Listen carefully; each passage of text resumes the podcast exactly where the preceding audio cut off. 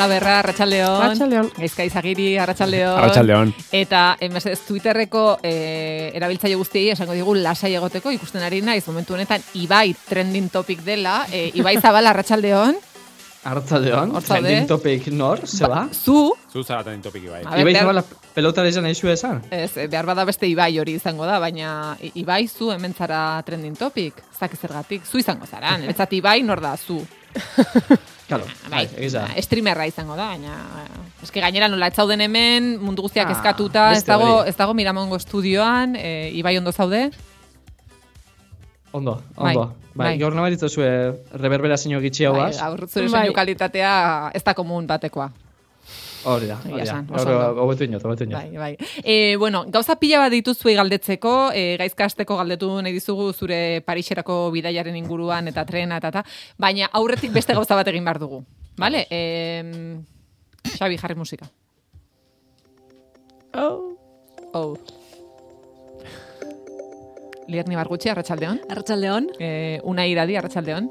Arratsaldeon. Ze unai grabatzen ari da guzti hau. Eh, bai, badakigu, eh, azken egunetan Instagram ez gara erabiltzen ari.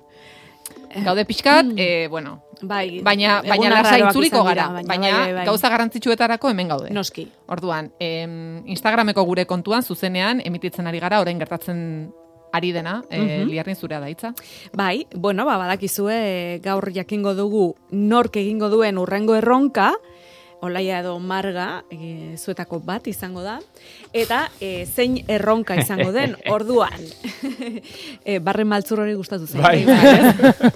e, orduan orain, nik papertxoak papertxoak pres ditut, bakoitzaren izenarekin, begira kameran erakutsiko dut, hemen ez dago tramparik, e, aurrekoa magoa bezala erakusten. Zun magoa. Olaia, marga, orduan hemen dut sakutxoa, Bai?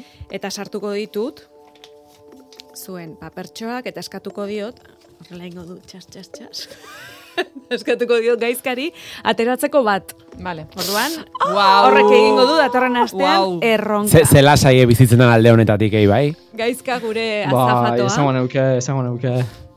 eta erakutsi gero mm, kamerari ere Zein Bat hartu eske ez dakit biak hartu dudan. beste hemen dago beste Ah, hemen vale, dago vale. bai Lehenengo kamerari erakutsiko lasai. dut, o? bai bai bai bai bai bai bai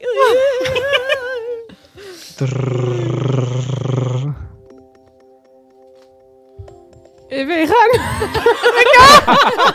nork egingo du erronka Marga berra zubieta. Bra, bra, bra, bra. bueno, orduan, Ai, ai, ai, ai, ze ai, ongi, ai, ai, uh, ai, ze ai. ongi. Uf, Marga gorritu zara, ja urduri zaude, Bai. nola sentitzen zara? bero, bero, bero. Bero, bai. Bueno, balasai, ze oraindik ez dugu amaitu. Orduan, Hasi besterik ez gara egin.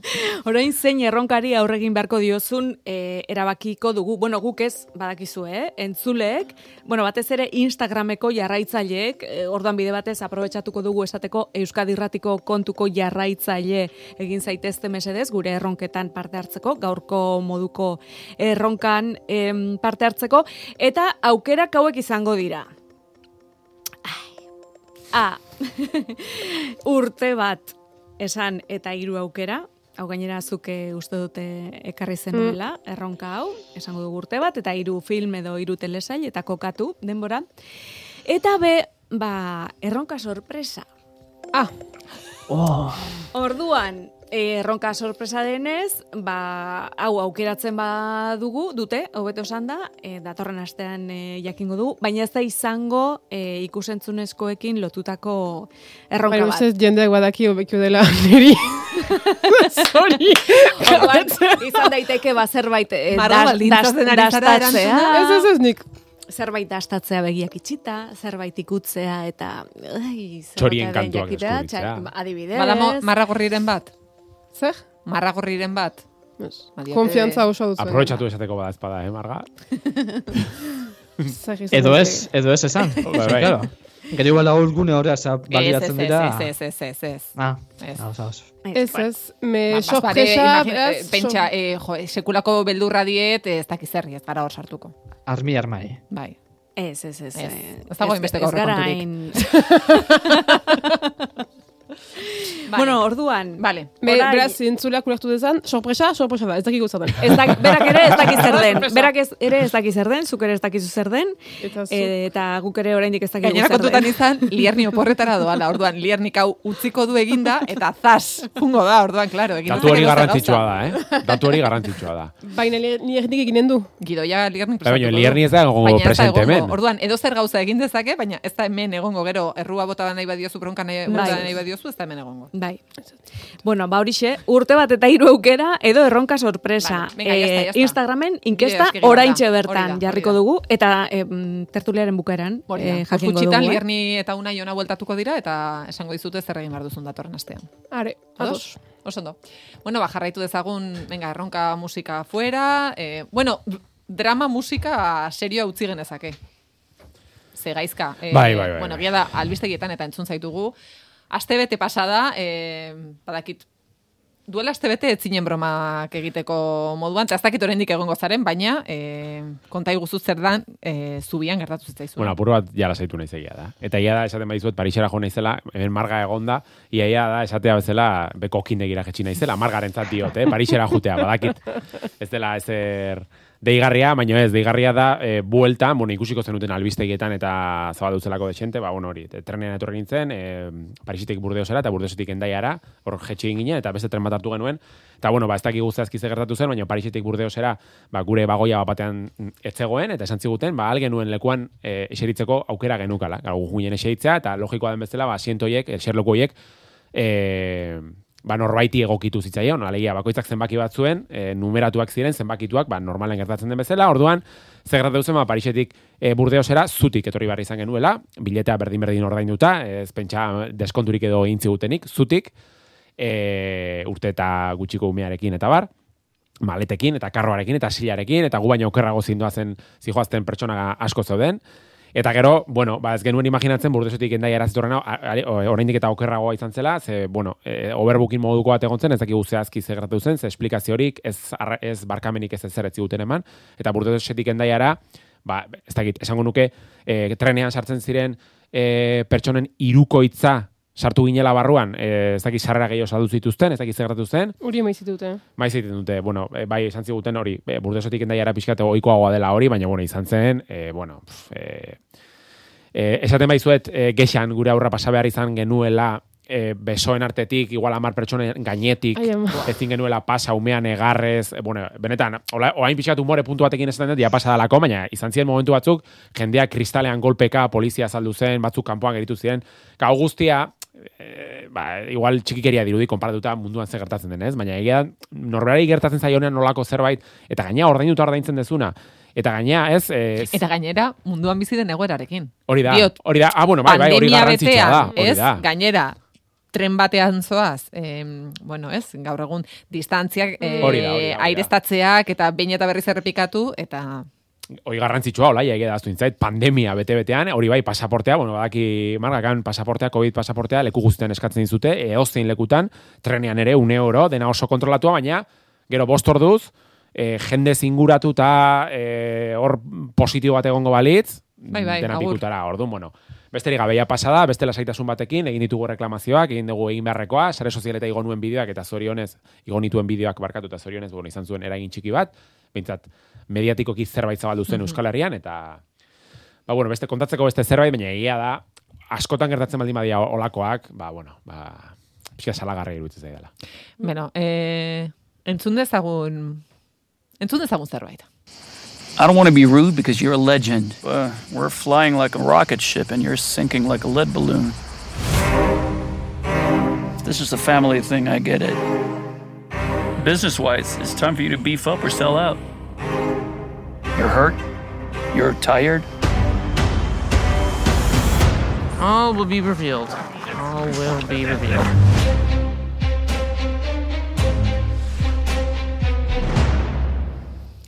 Gaizka, spoilerrik egin gabe, zer esan dezakezu Succession telesaileko azkeneko atalaz? Zer ez esan. Ze nota jarriko zenioke? Azken atalari? Bai. A ber, amar bat nik ez diot ia zerri jartzen gaur egun ikusentzunez, osea, amar bat jartzea da, azteko bi, hiru aldiz ikusi barret, baina bueno, eh, azken atalari mm, bederatzi bat jarriko nioke. Irutzei dalako itxiera biribila irugarren denboraldiari, asko kritikatu dute, pixka luzatu dela, eta bar, eta bar, ni, irudit, pff, ni, bueno, ni Successionekin atope, e, ekarriko ditut Leicester ja, datozen egunotan zerrendak eta bar, baina, bueno, aurretzei zuet, egingo etela telesail berrien zerrenda bat, aurten eseinatu dienak, ze aurratzen zuet bestela izango litzatekeela Succession, Succession, Succession denbora guztian, orduan.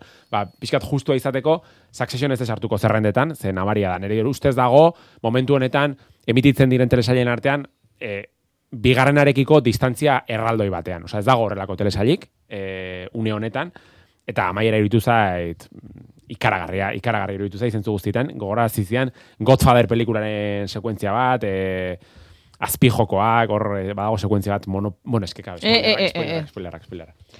Amaiera esaten dugunean, zer nahi dugu esan, denboraldien bukaeria edo serizien bukaeria. Ez demoraldia. Demoraldia bai, laugarren bat egongo da, ez dakigu noiz, hoi da albiste txarra. Hemendik bi urtera minimo. Bai. Ikusiko dugu. Eta eta bueno, ba penaz, penaz, baina pff, niri iruditu zait ikaragarria. Bai. Ikaragarria. Ta, ta zuri olaia? Jo, es que... Eh, ah, bueno, spoiler. Gaizka koño, lehenago ikusi nuen Bai, azkeneko kapituloa. Egia da. Ez da posible. Bai, bai, bai, bai, bai. Eta? Marga, mesedez. Nola? Marga, ibai, txalobero bat olaiaren zat? Aizu, eta Bai, olaiarentzako bai, bai, korte bat ere, ez? Claro, hau ez da olaia lau punto zero, ez? Olaia lau punto zero da, ja. Bai, olea, de ama, puntu. Gainera, puntu gainera ama presioa sentitu nuen, ez? Olaiak ikusi zuen, eta, ja, ja, gaizka ja, gaizka ja. Ez que ez diruen sinetxi diot, nola gertatzen ari da hau. Eta, claro, bueno. Bai, Ez que, zu ondo, zaoz? Nahi bat, zela da posible, olaiak ikustia lehena. bueno, eh, askotan esan Olaiak ez dituelako umeak. Ja, bueno, berdin du, hori aitzakia errexa erabiltzen dugu mea dakagunok, eh? Baina tertuliaki, tertulia honetan tapatua olaia da, badakizu, eh? bueno, iruditu zait, hor- hori aipatu nahi nuez egia esan, izan zen momentu batean, ezin du sinetxi, hau gertatzen ari denik. Bai, E, gauza. bai, jo, oso ona. Nik esan behar dut, niretzat mm, denboraldi hau oso ona izan da, egia da lehenengo kapituloak, bai, e, bueno, nik emozioarekin bizi dut, ze musika entzun eta estetika eta asko gustatzen zait, baina iruditzen zait bereziki, jende bat baldin badago hirugarren denboraldia ikusten hasieran eta esaten du, jo, pixkat hori luzatzen ari da. Azkeneko hiru kapituluak, mm, Bai. dira pasada bat. Eta azkeneko kapituloaren azkeneko amabos minutuak, ez? Amabos minutuak? Bai. Buah.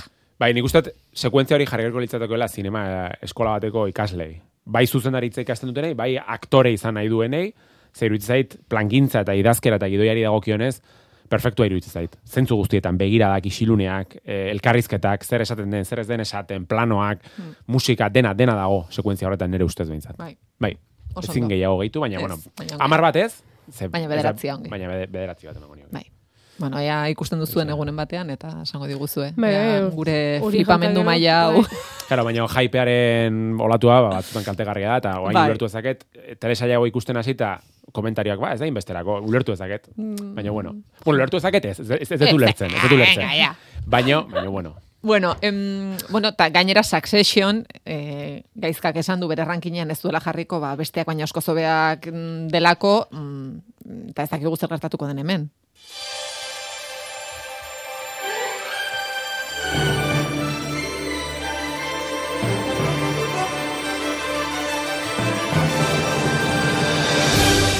Ze 2022ko Urrezko Globen hautagaiak iragarri dituzte, atzo eman zituzten ezagutzera izendatuak, sariak urtarrilaren bederatzean emango dituzte, irurogeita emeretzigarren edizioa izango da, 2022 bigarren urtekoa.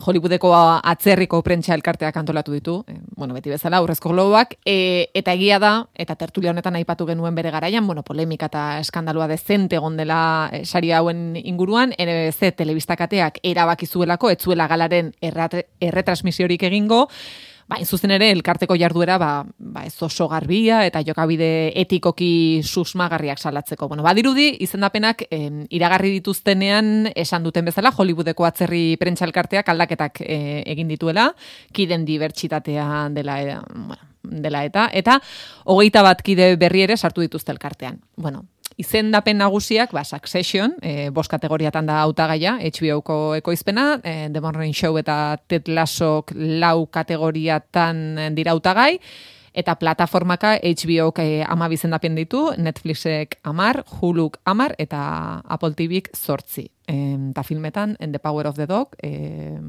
Jan Championen filmak zazpi zendapen ditu, eta Belfastek, Kenneth Brananenak beste zazpi zendapen. Mm, zer, irabaziko du, ez? Bueno, espero, eza, espero dezagun baiez, baina askotan gertatzen den bezala telesaia hauetan, Mad Menekin gertatu zen, eta Game of Thronesekin, igual itxoiten dute azken denboraldira arte, sariak emateko, baina bai, irabazi beharko lugu. Be- Behintzat, telesaia zaldin bada, aktore guztiek irabazi beharko lukete. Telesaietan bai, eta gero, mm, bueno, da, ikusi dituzula adibidez Lupin bezalako telesaiak nominatuak, eta, bueno, ba, gauzatzu betikoa, ez? Eta gero zergatik egiten dituzten bereizketak komedia eta dramaren artean, baina ez akzioa edo beldurraren artean, e, nik hemen falta mota ditut, nabarmen aurten animaziozko pelikula eta telesaio oso potenteak ikusi ditut, ba, aurreko astean ekarri nuen italiarra, Ikusi dut. e, italiarra e, Guau, zero ze kalkarena, ona. maravillosoa da, eh? Ikusi duzu? Ikusi duzu emargai bai? oso ona, eh? E, gustatuko zaizu, eh? nik uste bai, ez. Bai, bai, bai. Ibairi berezik eta maiera da, boa, netzako oso potentea da, zabaltzen duen mezua eta eta Baina- dena. Oi, Zer da izena? Gazteleraz da por la línea de puntos. Italiarrezen naiz goatzen da Zero Kalkareren e, komikgilearen berak sortu du gainera, beda protagonista eta oso oso oso telesaiona da. Hasieran egia asko hitz egiten dula eta pixkat e, agobiatu bezala egiten dula, baina gero bigarren atletik aurrera forma hartzen du eta eta nahi iruditu zait oso ona. Ane irazabalek eh, Bai. esan zidan, eh, jo, eh, olaia, da gure belaunaldiaren Bai. argazki perfektua. Eta mm, gaizkak egindako deskribapenarekin, banekin ikusiko nuela, baina anek ere Bai, da. idatzi zidan hori esateko, Egia. eta esan nuen, eta bai, merezi du egia da oso identifikatuta sentitu Guztiz. zarela puntu askotan, edo zu ez bazara identifikatuta sentitzen ingurua, eta Bai. momentuak, Bai, eta bai, erreferentzia eta asko amabos dauzka. minutu dira gainera kapitulo bakoitza. Bai, hori da. Ba, adibidez, telesaio hori, ez dago izendatua, eta faltan bota dut. Mitchell versus The Machines ere, oain dalo hilabete batzuk ikustako ere faltan bota dut. Hacks telesaia, Itzasin, adibidez, Itzasin iruditzei dela urtengo hiru telesaio onenen artean dagoena. White Lotus, ez dute izendatu adibidez. Ja, ezakit, ba- batzuk eskapatu daitezke, baina niretzako, eh, nik ez dut esango eh, ezer berezia, baina jo, iruditzezkit urtengo honenetarikoak eta ez egotea ere, Eske kategoria berean ikustea Succession, eh, Lupin bai, eta Txipiroianen da, jokua. pixkat, Be, azkenan, telesail, ez dakit, nik ez dut ikusiak, baina, telesailak baloratzen dira, edo telesail ikusle kopurua baloratzen da? Teorian kalitatea, te, ez? teorian kalitatea, bai, bai. Bai, me hor ganagatik, hor aipatzituzun hiruak dira Netflix, eh, bentsat Lupin eta... mm, Txipiroiaren. Beti esango dugu horrela, Beti eh? izango dugu. Eh, Squid Game ez, eh, Txipiroiaren. Teorian, bai, baina egia da mediatikoki eta gero komertzialki interes Hori gehiago izan dezakela txipiroia saritzea, ba, askoz ere salgarriagoa delako, ba, gero Bai. produktuak saltzeko, eh, ez dakit pous saritzea baino, adibidez, osea, baina teorian, teorian ez kalitatea saritu beharko lukete, baina bueno, badakigu hemen atzean zer dagoen eta ze interes dauden eta baina bai, zuk esan duzu moduan e, olaia pixkat txiste txiste iruditzen zait. Topatzea hor Succession, Lupin, eh, Pose, kategoria beren, bueno.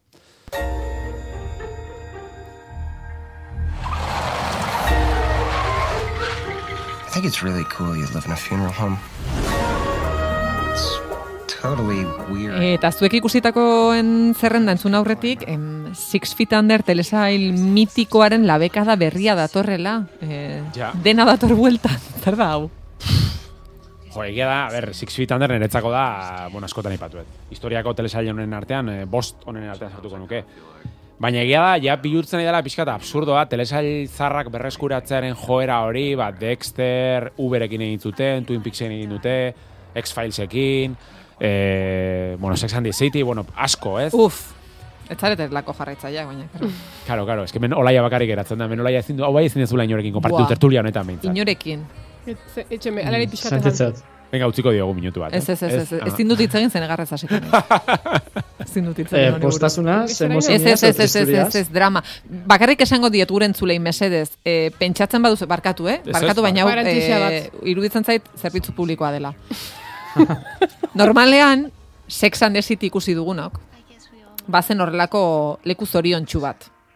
Ez? Ba, joaten zinen telesail hori ikustera, ba, pixka, horrela behartzen nuena leku seguru bat, ez? Ba, berdin dio, hor, soineko politak, eta Nueva York oso polita, eta dena oso ondo. Bueno, ba, ez jarri en Just Like That, eh, Just Like That, em, hori bilatzen baduzue. Baina zer aldatu da, tonoa, generoa? Ez, bihotza apurtuko dizuete. Ah. Benetan. E, ez, zuen inguruan baldin badukazuen norbait Instagramen mm. e, telesail honen jarraitza de, jarraitzailea dena ikusiko duzu what the fuck izan dela errepikatuena telesail honen e, referentzia egiterakoan. O, ondo, osea, ez da nahi dut, ez da kaka bat delako, baina da mm, komedia bat izatetik drama bat izatera Ah, pasada. Ya está, barkatu. Ez ez Hau, barkatu. Produktore oneri bialdu bihotza haue Mikel Labuan txoria txori kantia. utzi, utzi lehengo seriziak baketan, utzi hiltzen, ja, euren garaiza pasada, eta ez kaga, zen niri presion breikea ez bardina paseaten. De repente, bosgarren denboraldi bat atara ben, da, Ah, baina aurreko, aurreko, aurrekoak onak ziren edo? Lehenengo daukat. demoraldia bai. Lehenengo bai, lehenengoa ba oso fana naiz, baina bigarretik aurrea da... Utzi jozu. Vale. Utzi jozu gure, gure semeari. Bueno, eta kontuak zenbat urten eukazen ikusi nebanean, eh? baina... Semeari, Hori berria da. Atera, eh? barko ginateke gutako bakoitza ez telesailen kaltetuak, eta bakoitza atera gure aldarrikapena egiten. Mesedez, ni terapia- zoriontsu nintzen bai. telesail hau hor geratu zenean, zergatik egin duzue hau.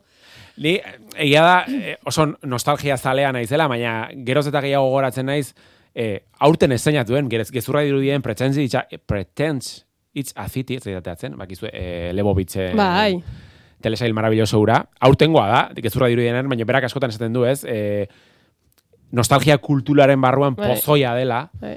Eta jo, azken aldian eh, esango nuke igual ados nagola pixka bat, eh? Ari dira pixka nostalgia erabiltzen, ba, merchandising saltzeko esango nuke, ez? Eta orduan beldur naiz pixkat pasatu egingo ote dian.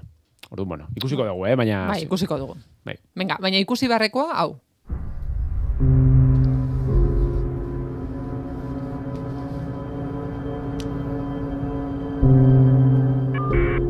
A mí me ha costado mucho despreciarlo, Soledad, con todo lo que me ha hecho. Tú sabes lo que me ha hecho. Y estoy comunicando medio de escapo. Gaizka, ikusi barrekoa delako, ez? Ba bai, ba bai, osea, flipantea da. Flipantea da, hemen askotan ekartza ditut nik true crimeak, badakizu, eh? E, lata ederra ematen dutela genero horrekin. E, baina egia da hau deskubritu etela, hau gaina doakoa da, doakoa esan nahi dut, ez dute arpietzarik izan behar inolako plataforma hau, margak askotan e- ekartzen du, e, aukera hau, e, arte eta beste plataforma da, baina nik normalan gutxitan ekartzen dut doan ikusteko aukera hori. Hau telebizioen espainolako nahieran zerbitzuan daukazuen ikusgai, dauka- daukazue ikusgai barkatu, Lucia la telaraña, izeneko True Crime Espainiarra, eta hor audioan entzun dezute Lucia Garridoren audioa, e, soinua, edo ahotsa, hobeto esan da. E, oso zaila zait kontatzea, dokumental honetan kontatzen den guztia, zeia ezinezkoa da. Izenburua Lucia la telaraña da zuzen ere, e, armiar masare erraldoi badelako gertatu zena, e, pixkat, hola, testu inguruan jartze aldea, entzulei eta, bueno, radiografia txiki bat ezagutze aldera. Kasua, 2008ko apilaren hogeita marrean azten da, Lucia Garrido azaldu zenean bere etxean, e, alaurin dela torren, enintzen guatzen e, iria, hilik azaltzen da bere etxean, eta bueno, ustez, komiletarten, hilketa arrunt bat izan da, norbaitek hildu eta lizotar bukatzen da kontua. Baina ze gertatzen da, hilketa hori ikertzen hasten diranean, armi arma sare hori haunditze jungo dela, eta tartean sartuko dira animalia exotikoen trafiko ilegala, narkotrafikoa, polizia eta guardia zibilaren estoldea zikinak, e, pixkat, Espainiar, e, Espainiar, osea, sentsazioa ematen duna da, dokumentala hau ikustean, ba, genekiela zerbait ustela zegoela, Espainian, edo Espainiar poliziarekin, guardia zibilarekin eta bar, ez? Ba, bueno, dokumental honek hori konfirmatzen du, ez? E, hilketa horretatik, hasiko dira pixka tiraka, tiraka, tiraka, eta protagonista ezberdinak elkarrizketoko dituzte, tartean bere, bere aizpa, eta flipantea da, gertatu zen guztia. Flipantea da gaina, ez ezagutzea kasu hau, nik bintzat ez nuen ezagutzen. Ezaguna egin zitzaidan pixkat hilketa hori, horrela, mediotan eta entzun izana garai hartan, baina ze injustizia, ze bidegabea, eta ze impotentzia sanituko ez dute dokumentala hau ikustean, e, bosta tal dauzka, eta zin da gizuet, azten baldin mazeate, jarraian ikusiko dituzula, bueno, jarraian, edo bi egunetan bostatalak. Ze pixkanaka pixkanaka e, hasiko dira e, gauza gertatzen, eta ezingo ez dute sinistu hau benetan gertatu zenik. Eta are gutxiago, bueno, gugandik nahiko gertu behintzat, ez? Askotan igual estatu batuetan eta gertatzen da, kasu honetan, ba, hemendik ez dakit, lau bost tortura gertatu zen zerbait izan zen. Eta pentsa, eh? E, Animalia exotikoak, narkotrafikoa, guardia zibilak, armak, hori dena historio berberan, eta ustez hilketa batetik atatzen den guztia, ez? Orduan, bueno, Lucia la telaraña da izenburua. Em, gabonetako film bat ere ekarri digu, gaizkak. Estás muy guapa.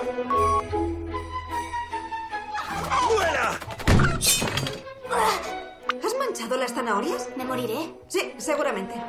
Silent Night, entzuten ari gara. Bai, e, ohar garrantzitsua. Saiatu zaitezte mesedez, film hau zeri buruzkoa den aipatzen duten webgune edo sare sozial edo danadalakoak saiesten. Osea, oso garrantzitsua da iruditzen zait. E, film honekiko izango ez duten gozamena, iz, dala zuzenki proportzionala, izango duzun informazio mailaren arabera. Orduan, Silent Night da e, pelikularen izena, datorren astean eseinatzen da zinemaretoetan, e, gabonetan ikusteko oso oso apropesa, gabon giroan kokatzen delako, baina, baina, lo faktuali moduko komedia romantiko moduan azten den pelikula izanik, e, bueno, lehen laurdenetik aurrera ba, zerbait gertatuko da eta dena aldatu egingo da. Hau da, naiz da komedia romantiko moduan hasi, ez da komedia romantiko bat, mantentzen da tonuari, baina beste genero bat sartu bat artean eta ez da esplikatuko zer.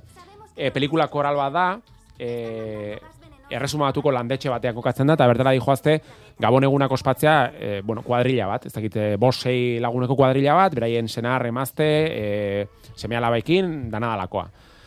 E, hasiera batean, kontatzen digute pixkat pertsona izan ondi datorren, zer relazio daukaten beraiekin eta bar, orduan eseritzen dira faltzea, eta ez dut esango zer gertatzen, baina zer gertatzen da, eragin zuzena izango duena afari horretan. E, orduan, bueno, sorpresak egongo dia gidoian, oso pelikula erraza da ikusteko, laro eta ama bos minutu inguru irauten ditu. Eta berriro diot, e, ah, bueno, ez da ipatu, pixat kartelburu edo ezagun bezala Keira Knightley azaltzen da pelikulan, ez zai gustatzen Keira Knightley, aktore moduan, ez zait inoiz gustatu, ez zaki zergatik, baina ez zai gustatzen, eta hemen ere ez gustatu. Baina, bueno, e, hori salbu, e, oso pelikula asko gozatzen den pelikula da, batez ere hori sorpresa daudelako une oro, eta tono aldaketa horrek, ban, bueno, nola baiteko sorpresa egiten duelako ikuslearengan. E, zinemaretotan, atorren estetik aurrera, Silent Night, eta nire ustez aproposa orain ikusteko. Igual, bueno, udaran ikusi ezakeztu, baina White Lotus adibidez, udaran ikustea aproposa zen moduan, hau ere aproposa irutzaitu hain gabonetan ikustea. Em, entzulei gogoraraziko diegu, hemendik eta bos minutu, eh, hemendik eta bos minutura ez, hemendik eta hogei minutura iragarriko dugu eh, margaren inkestan, ze aukerak irabazten duen, beraz, margak datorren astean zein den egin beharreko erronka.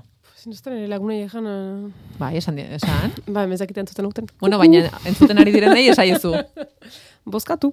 Hori da. Margak eskatzen du bozkatzeko, mesedez. Bozk... Bueno, bozkatzen ari dira, Ah, dagoeneko bueno, badago eta- aukera. eta Gu ere bozkatu behar dugu, hain sartuko. Guk ere bozkatu da. dezakegu, noski. Bai, bai, bai, Ah, nik ere sorpresa boskatu bat, claro, claro, claro. Bai, Venga, venga. E, Ibai, baina oraindik ezin duzu bozkatu, ze zure gomendio antzutera goaz. It was a name that sounded so sweet, so seductive. Synonymous with worth, style, power. Ibai, zer iruditu zaizu House of Gucci? Zure Ridley Eh, Scott lagunaren filma? Hori izan mineman, e, filmuan ondo, e, ondo, ez nintzen egon gustora ikusten, baina filmuan oso ondo. Ui, zergatik? Fa, saldo gotzu gerora, baina House of Gucci, bueno, danok ezagutuko zu ez, Gucci Bai, bai. moda marka italiarra, bueno, Bai. gure, gure tertuliza patrozinaten dago, ez da, ba, besten dago. Bai. Bai. Diru asko izten dago, baina... Bai, hori da. Eta nik ezagutzen edan bai, gutxi markia, baina ez neban ezagutzen da e, familia horretan pasasan ez behar bat, hilketa bat egon zan, e, interes ekonomikoak dizela eta, enpresien interesa dala eta ez da- dala eta ez dala. Da, bueno, nau arresta harritzeikoa nik ez jakitxia historio guzti hori, laurita magostian gertatu zan, neu jaizo baino urte bete lehenago. Wow. Eta e, Ridley Scottek, e, Ridley Scott da aurrekoan ekarri neban The Last Duel e, pelikulako zuzendari bera, e, pelikula hortan Adam Driver da bai e, protagonistetako bat, eta House of Gucci pelikulan be, zuzendariz eta protagonistia errepikatu itzen dira. Trailerrian entzu zuen ahotsa e, Lady Gaga izan da, e, positiboki harritu nabela, ze Lady Gaga kantantia izanek, e, ustot, e, ez, a Star is Born pelikulan debuta bala, aunque ez banago. Bai. Eta halan da be, aktore aldetik, eh, jo, harritu nago positiboki zelako ona da, negiz esan. Eta gero dago be bai, Jared Leto itxina bela hau zabalek. Baina, bueno, aktorietara gero bueltatuko naz, igual historiza kontakotzu eta purtsu bat. E, Gucci familia, bueno, enpresa erraldoi bat da, e, marka e, oso garesti bat. Baina, e, beste enpresatik bere izan da da, dala enpresa familiar bat. Horre dago zen alderdi positibo eta negatibo guztizakin. Orduan, eh, gatazka familiar asko sortzen dira pelikula honetan. Pelikula hau berez, izen bereko liburu baten oinarrituta dago, baina liburu hori dago oinarrituta, eh, bueno, bizitza realean gertatu zen gauza bateaz, eh? Eta hau azpimarratu nahi otein, ze pelikulia ikustu zuen momentuan, nik ezakite realitatea Ridley Scottek esageratu nahi izan baeban, edo errealitatea benetan nolako esageratua izan zen, baina iruditzen jat, pelikula hau, drama bat, baina dramoi bat, e, nire oso gorpuz txarra itxi ustana. Eta hori da ez, hasieran esan dutenen arira, pelikuli hau guai da hola, baina ez nebala disfrutatu ikusten.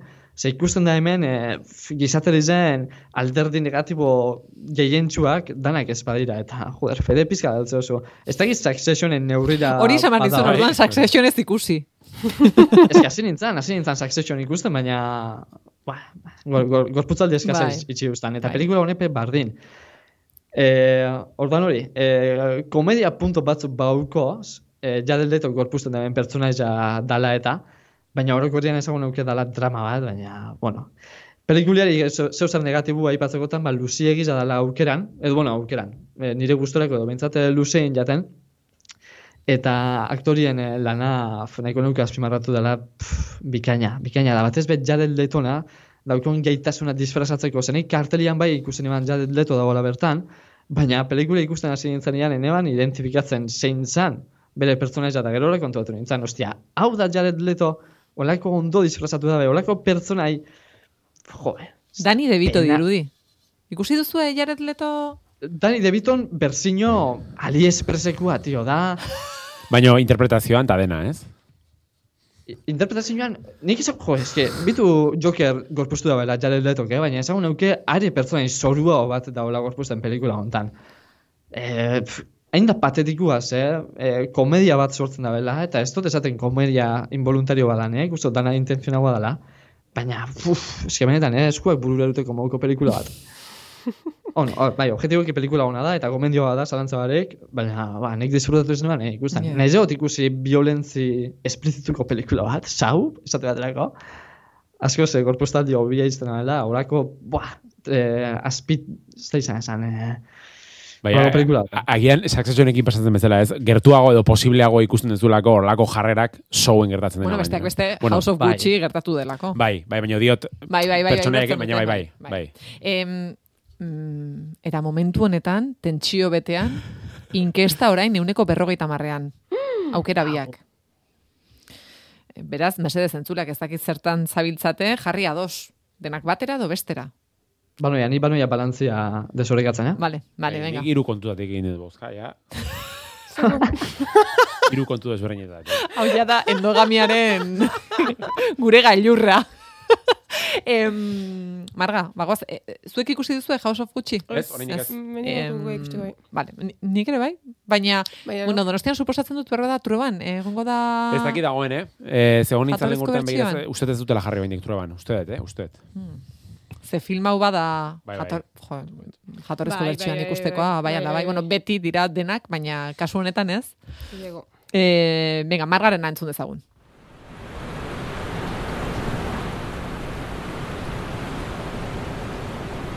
T'as entendu parler de cette époque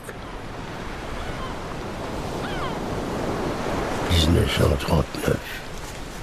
Ça te dit quelque chose Mira, eta aurretik informazio emango dugu, oraintxe Donostian behintzat, e, entzulek esan diezagutela, eh? Gazteizen, Bilbon, bueno, orokorren Euskal Herria osoan non ikus daitekeen House of Gucci jatorrizko bertsioan, baina Donostian e, Antigo Berri zinematan ikus e, daiteke.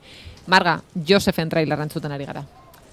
Bai, filminen ikusi dut, arte utzi dut, uh, bazterrean aste honetan. Um, beraz, aspalditik entzunen uh, felengo urtean ateratzen, 2008an, Aurel edo Urel uh, marrazkilariak ateratako Eraz, animaziozko filma edo berak nahiago du film marraztua deitzea, eta uste dut urartzu dara zagatik jaten duen, eta espero izot zagatik. Uh, Josep Bartoliren bizia kontatzen du um, filmunek, um, Frankoren diktaduraren aurka engaiatu zen uh, marrazkilari katalana zen. Um, eta beraz, kontatzen nula mila behatzen dara hogeita ameretzian, uh, Frantziak uh, egoaldeko mm, konzentrazio kanpamendu batera um, be, iritsi zen, iesi egin zuen. Um, eta hango baldintzak, eta, eta nola han jendarme batekin uh, laguna jeman bat um, ebe sortzen, sortzen den. Beraz, bi gizon horien uh, ahemana kontatuko du filmak, uh, jendarme hori eta eta Josepen arteko hageman hori. Uh, eta konz, um, konzentrazio zelaitik, gero nola Mexikora iesi eginen duen, eta gero New Yorkera bere bizian ere, efe, piskat bere bizia kontatuko du. Baina, al, hausnarketa politiko batekin, eta eta batez ere, be, hoien uh, sufrimendua, eta uh, min hori, fe, nola marrazkien bidez, nola uh, islatuko den. Um, beraz, aski an, uh, teknikoki edo aski artesaua da animazioa.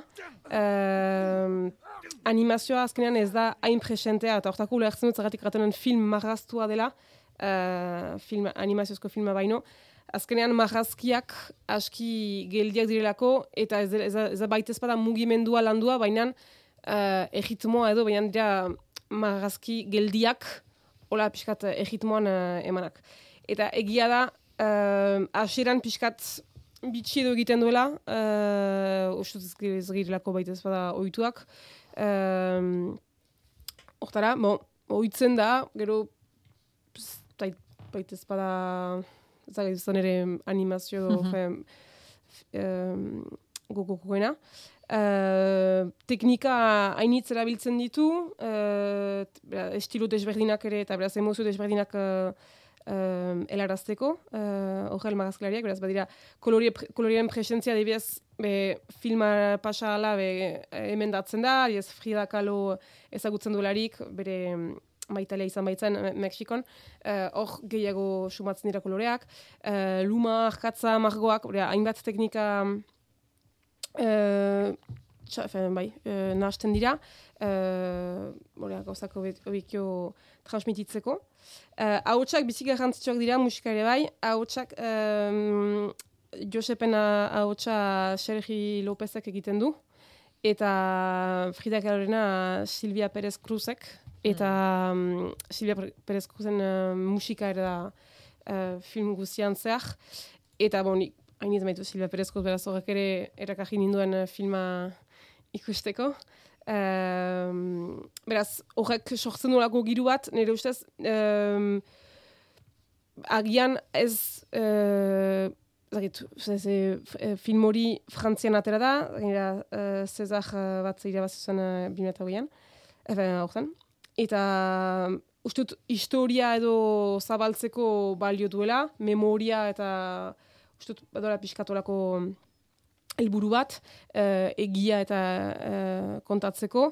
Uh, ustut maiz ez hain ezaguna dire ez Orea, ez hain ezaguna den errealitate bat kontatzeko, ze frantziak egoaldean uh, konzentrazio esparruak izan zirela ez dut uste jende hainitzak uh, bazik, nik, nik, asteko ez nintzen, ez nintzen jakinean, uh, infernu hori be, bizi izan zutela, oda, berez gerra hasi haintzin, zor, uh, mila behatzen dut eretziko otxailean gira, eta gerra irailan hasi zen, beraz, um, zakit, historikoki niri gogoa eman dit pixka gehiago sakontzeko, eta eta olertzeko ze, ze jokatu zen, eta eta horia. Um, Uste dut, horren aldetik uh, bere helburua lortzen dola film horrek. Gero hori da, teknikoki, uh, Naiz eta majazkiak eta on, uh, fain, zakit, uh, emozioak eta helarazi, uh, da, aseran pixkat kosta zaidala sartzen egitmo berezi hortan, baina Silvia Perez Cruzen uh, musikak uh, ni eraman dugu. Em... Bai, izada komiki bat guztia moguan, az? Piskat, hori da, piskat. Badu hortik, komikia, norbaitek komikia irakurtzen balizu bezala, eta musikarekin atzean, edo... Um, eta animazio minimo batean. Hori da, animazio aski minimoa da, eta hortako nire ustez, asiran, uh, piskat zaila da, kokatzen, zen da, garaien iz, um, nasten dira, ze bada, aitatxi bat, da, jendarme horrek kontatzen du, bere orain zaha denez, bere uh, uh, hilobari, eta beraz, bo, badira horako um, garai desberdinak, eta beraz, hori aski egeski ulertzen duzu, bi garai desberdinak direla, baina toki desberdinak ere badira, eta hasieran pixkat um, nasko gazten diteke, ez zira biziki historian eh, biziki kokatua edo... eh, bai, me, bai zutaz duritu nahi zi bai, eta gian uh, gustatuko zaizu. Non Bai, esan bai, duzu da, bai, bai, barik- dauzelan, eh, a- animiaz, eh, asa, animazioaz edo marrazki bizunak entzer ikusi gauzak, eh, danak, danak, egon dutoreko zatez, zanaz, bai. Ez, begera hor, fez, ura, ez, ustut, no, normalki ikusten dituzun, uh, oda, bai anime edo filma jaztu bada, baina ez de, gai aldetik eta as, aski desberdina da, filminen da. Filminen. Em, gaizkazuk, hiru ekarri dituzu lehen bi aipatu ditugu, entzun dezagun hirugarren trailerra. I'm literally down a corner now. Hey, I'm down a corner. Give me two seconds. All right, ta ta ta ta I'm looking at. Boiling Pointen trailerra entzuten ari gara. Eskerrak. Zeko gotxu nengo pelikula gomendatzeko hor. Eh, entzungai izan de, eh, dezuen ingeles ulertezin hori Stephen Grahamen ahotik atera da, eh, Liverpooleko pertsonai bat gorpuzten duelako.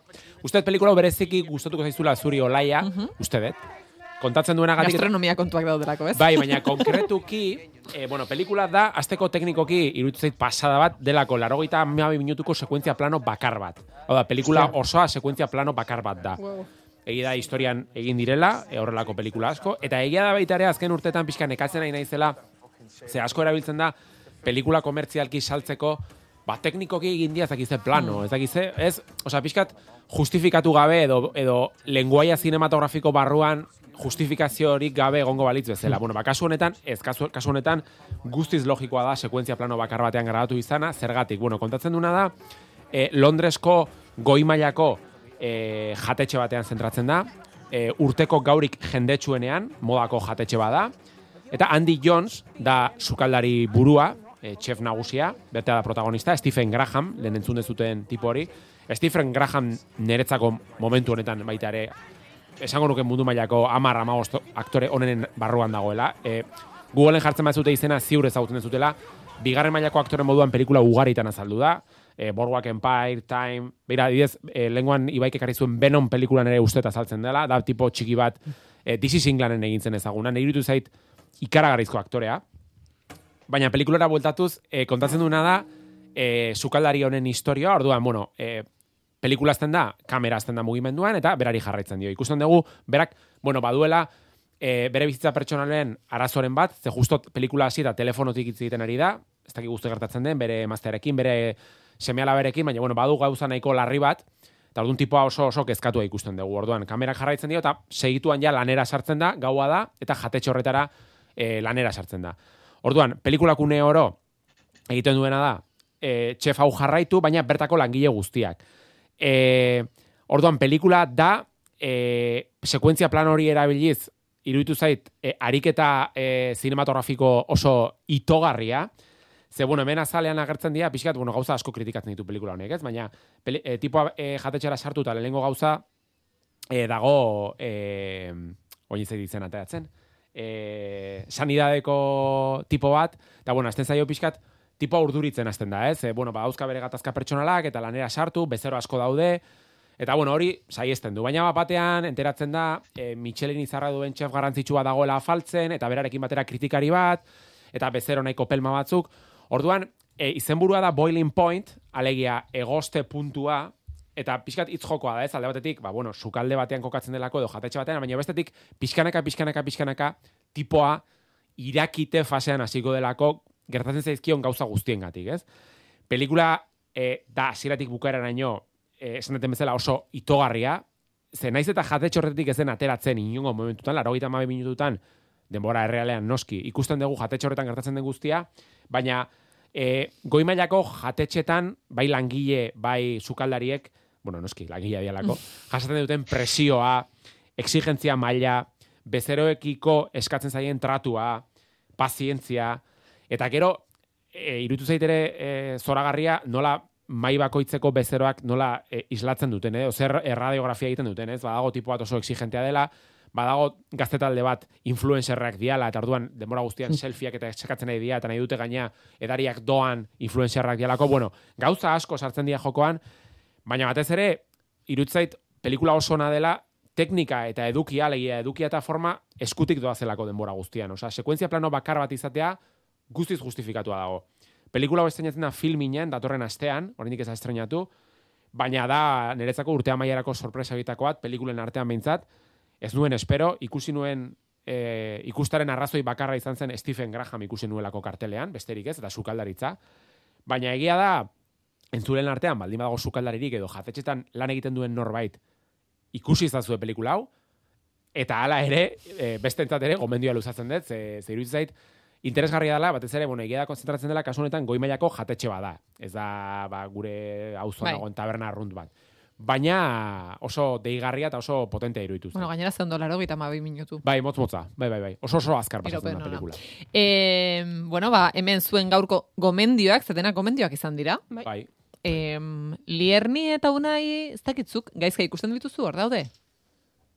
Ez. Ez. Ez bueno, dakit, eh, tentsioa bilatzen ari. Lierni, Unai, Mesedez, gerturatu estudiora, e, entzuten hariko dira, orain e, irudikatu behar ditugu bitartean, korrika. Marga urduritzen hasiko, beira, marga zure papera. Ah! Mira, hemen dago, e, gure...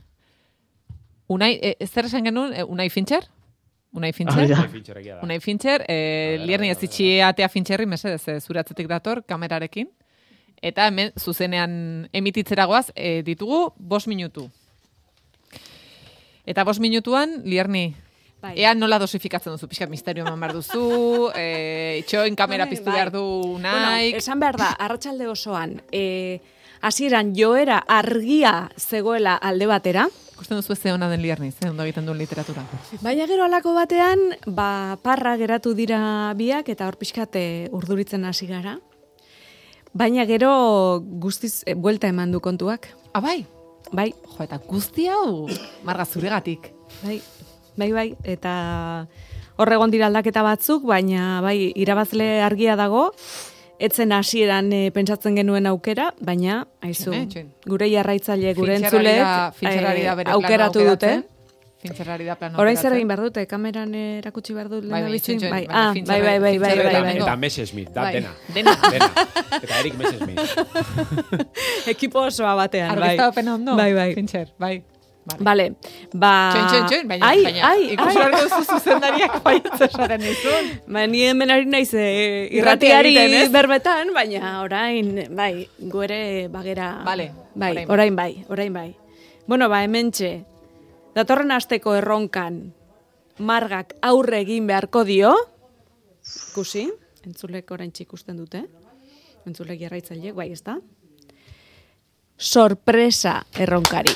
Euneko Oh. berrogeita maseirekin, bai. Bai. Berrogeita masei, eta zein izan da garapena? Ba, hasi da denboran kokatu nahiko Bai. indartxu, gainera hasieran izan da euneko irurogeita pikoak edo e, denboran kokatu e, zera aukeraren alde egin du. Halako batean e, ba, erdira, erdita erdi hor geratu dira, 50-50, eta ba, Eta segituan egin du... Gaizka ez? E, Bere hiru kontuak. eh? Iba, ez, Ibai barkatu, Ibai, zu, e, bueno, orain ez zara trending topic, baina tertulia hasi denean, Hori Ibai da. zen trending topic, Ibaik esan du, orain txenoa, euneko berrogeita marrori, Bai, bai, iraultzera, bai. sorpresa ematera noa, Eta eman du. eta, hala, Ibai eta bere jarraitzaile guztiek e, erabaki dute zeintzen zure erronka, Marga. Or- Orduan, errua, Ibairi. Mil esker, bai. Pozik zaude? Uh, Zuk nahiago zenuen, sorpresa ala ez? b- Claro, sorpresa ez dago Sok- balu, bai. bai, ja, nola, ez dakit entzuen, agian nahiago nuen uh, historia pixkat... Uh, Orain berandu da. Baina nola izanen da, eta me, pixkat bai gogotsu... Gogotsu, gogotsu? Edo, os, kurios. Zer, uh, zer asmatuko duzen, edo ze, ze egin beharko dudan. Bai, prestatzeko gainera zaila da, ez, ez dakizulako... duzu ikasi. Ez. Jakingo du, momentu erean. Momentu berean, momentu berean, bai. Eta hori, Bai, beste bai. konparatuzak, pusatzen zinuten. Ba, ba, ba, ados, ados, ez ez, nik arauak segitzeko prest, eta... Oso ondo, oso ondo, Marga.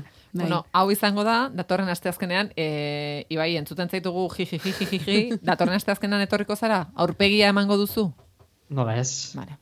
Bai, bai. Berdut prestakun, berdut, zagitz, etorri zerbait bereziarekin edo, zeta, esan begenaiz, gauzak... Ez lasai, material guztia guk jarriko dugu. Materiala. Wow! Eh? Erabaki duzu, da, honeko? Ez. Baina zeo ze behar badu, mezu bat bidaliko diozu. Bai, noski, noski, baina, baina zu etorri, eh, a ber, Zere eroso. esan? Ero, bai. Eroso? eh, arropa erosoarekin, egun horretan. Eh, agian, eh, erabiltzea. zikintzea inporta zaizun arroparekin, Bada. bada espada. Eta, eta bestela, ba- Hori da, gogoratu txipiroia asko aipatu dugula hemen, eh? Eta txipiroia ze gauza gertatzen dira. txipiroiarekin. Bai, bai, besterik eh, ezin dugu esan, Marga. Bon, bon, bon. Ba, hori hasta azkenean. Ah, eta gero, olaia, zu Ni- urte berrirako, eh? Datorren urtean, bai. Nire datorren urtean izango da, jo, urte oso bat daukat prestatzeko. Mm. Baina marga, zu izango zara, protagonista datorren aste azkenean. Ze Oh. gabonetan, zer ikusi tertuliak ere jarraituko du, eta gainera ikusten duzu, eh, edukirik onenarekin. Noski. Gatoz. Saioa motzagoa izango da, saioa bostetatik zazpitar izango da, baina noski zer ikusi tertulia mantenduko dugu. E, gaizka, marga, bai, eskerrik asko, e, marga, deskansatuta torre. Bai, bai, bai, bai. Lasai. Maite zaitugu, lasai. Eh, Ongi pasatu ere- da. Bai, ongi pasatzera Ongi gatoz, bai. beti. Bai. Pixat izerrituko duzu, hori beti gertatzen da. bai, Hemen bertxolarian lehen lekuen jarriko zara. Gogotxu zaudela. Eh, atan astera arte. Aio. Agur. Aio. Agur.